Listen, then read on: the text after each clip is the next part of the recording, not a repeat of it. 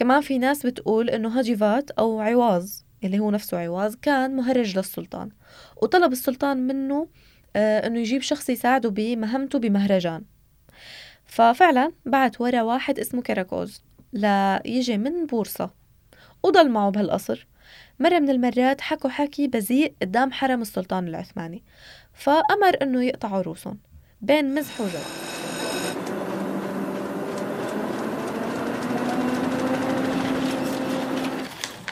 عنب بلدي. بودكاست.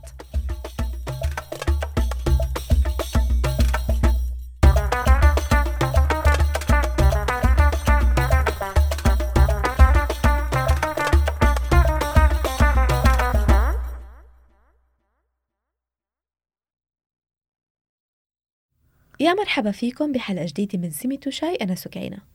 اليوم حلقتنا عن وحدة من وسائل الترفيه بشهر رمضان واللي موجودة من زمان. خاصة لما يصدف شهر رمضان بالصيفية.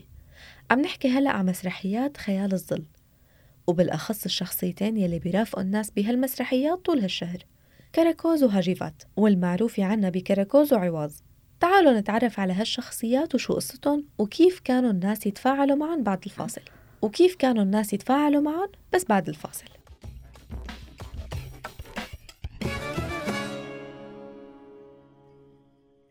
كيفك سكينة شو الأخبار؟ كيف الصيام معك إن شاء الله؟ تمام؟ ماشي الحال بتعرفي والله أنا كتير مالة. يعني منيح في هالكم مسلسل اللي عم نشوفهم لنتسلى. هاي المسلسلات كان يقابلها بالماضي بتركيا مسرحيات معروفة ببلادنا بمسرحيات خيال الظل إذا بتعرفيها. مم. أبطال الأساسيين كانوا كراكوز وهجيفات قصدك عن مسرحيات خيال الظل قديمة يعني؟ قد إيه له هالحكي تقريبا؟ هلا بتركيا بيرجع أصلا للعصر العثماني وانتشرت تقريبا بكل المناطق اللي كانت مسيطرة عليها الدولة العثمانية.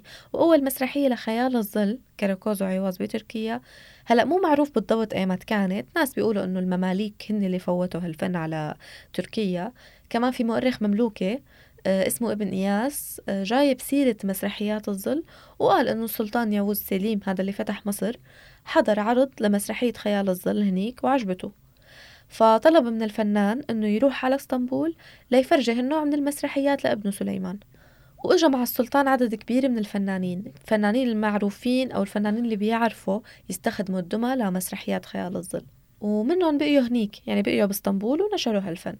بس بالقرن السابع عشر قال أوليا تشلبي هو مستكشف ورحالي عثماني إنه المسرحية الأولى لخيال الظل بلشت بعهد بايزيد الأول. هو يلي حكم بين سنة 1389 وسنة 1402 وبعدها انتشرت بكل مناطق سيطرة الحكم العثماني. بقى الله أعلم مين اللي معه حق. طيب هي المسرحية كيف بتصير يعني؟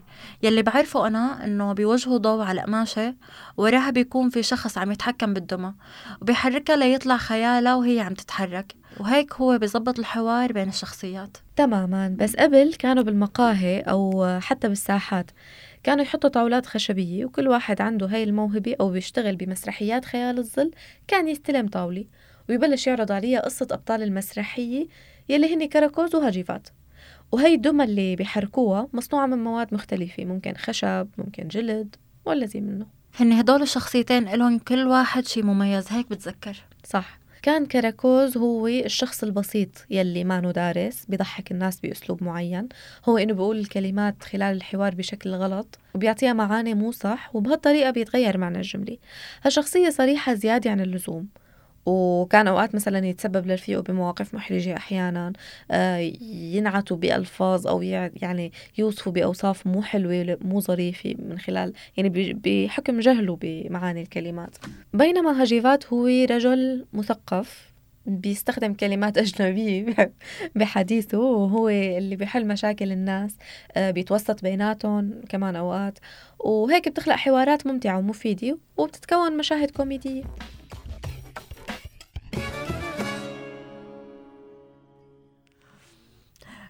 بدي أسألك سكينة هلأ من وين خطر ببالهم هالشخصيتين؟ يعني كراكوز وعوض. كانوا موجودين بالحقيقة وهن شخصيات عاشت بالماضي وأخذوا منهم الشخصيات اللي بالمسرحيات ولا مجرد خيال؟ هالشي مو كتير معروف بس في إشاعات بتقول إنه هن فعلا كانوا موجودين. وحتى في إشاعة بتقول إنه آه، ما بعرف إذا إشاعة ولا صح إنه كانوا عم يشتغلوا ببناء مسجد وطولوا مطمطوا يعني تأخروا لصار المسجد جاهز للصلاة. فحكم عليهم بالإعدام. تخيلي نور هلأ تتأخري بشغلك وينحكم عليك بالإعدام. ما كان ضل حدا. آه، فهن هيك يعني بهي الحادثة أو هذا الحدث ضلوا بذاكرة الناس وعملوهم أبطال لمسرحيات خيال الظل. آه، طبعا هالقصة مو مؤكدة بس بيتناقلوها الناس بيحكوا فيها لبعض.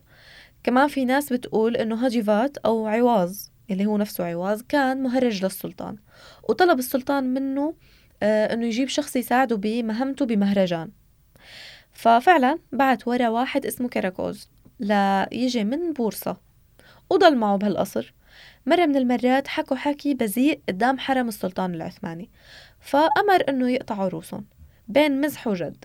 بعد فترة بعت السلطان ورجع طلبهم لمهرجان تاني. فشو خبر واحد من الحرس؟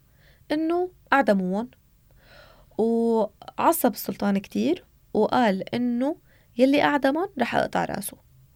خافوا الحرس اللي نفذوا الحكم فشو جاب شو عملوا؟ جابوا جلود وقصوها بشكل بأشكال بتشبه كراكوز وهجبات فصاروا يقلدوا صوتهم كمان ويحركون من وراء الستارة. بعدها درج هالعرض وطلب السلطان إنه تنعرض هالعروض على الناس بالساحات العامة على أساس إنه السلطان اجدب ومرقت عليه. يعني ما, ما بعرف شو هاي القصة بس ما أنا ما أنا مايلة للحقيقة نهائيا. هلأ بالحالتين إذا ملاحظة متفقين على إنه كراكوز وعواز ضحيتين انعدموا بقرار من السلطان. بس شكله فيها شيء من الحقيقة يعني. يمكن.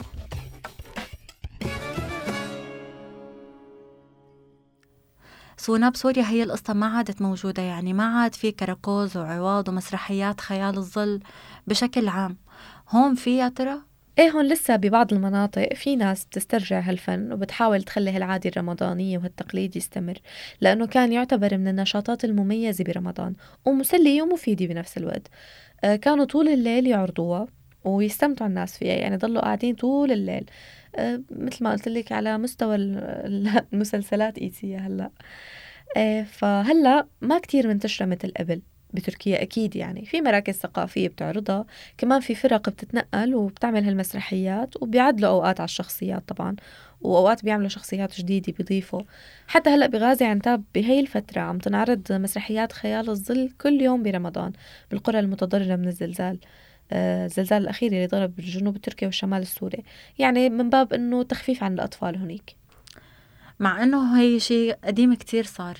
في موبايلات وتلفزيونات بتعرض برامج للأطفال بأحدث التقنيات بس الأطفال بيلفت نظرهم هيك شيء وبيغذي خيالهم أكتر. صح وفي ناس عم تعمل جهد تحافظ على هالتراث اللي كان على وشك إنه يختفي مثل ما قلتي بوجود التلفزيونات والموبايلات برامج الأطفال اللي ما بتنعد بكل اللغات. فعلا صاروا يتفننوا هلأ ببرامج الأطفال. فبتتوقع إنه يعني قدام هالخيارات الكتيرة أبدا مو سهل يصمد هيك فن. كان المفروض يروح من زمان وينقرض من زمان لولا هالناس اللي عم بتحاول إنها تضل محافظة عليه. وحرام يختفي لأنه له نكهة خاصة ومختلفة عن جد. مزبوط. صح صح.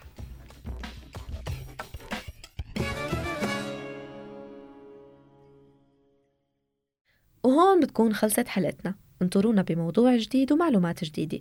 بتمنى تكونوا استفدتوا من هالحلقة. وإذا عندكم أي سؤال بيتعلق بالتراث بتركيا اكتبوا لنا أسئلتكم واقتراحاتكم على صفحات عنب بلدي بودكاست على فيسبوك انستغرام وتويتر. فيكم تسمعوا كل حلقات سيمي شاي على Apple Podcast Google Podcast SoundCloud Stitcher وأنغامي. كنت معكم أنا سكينة المهدي من عنب بلدي بودكاست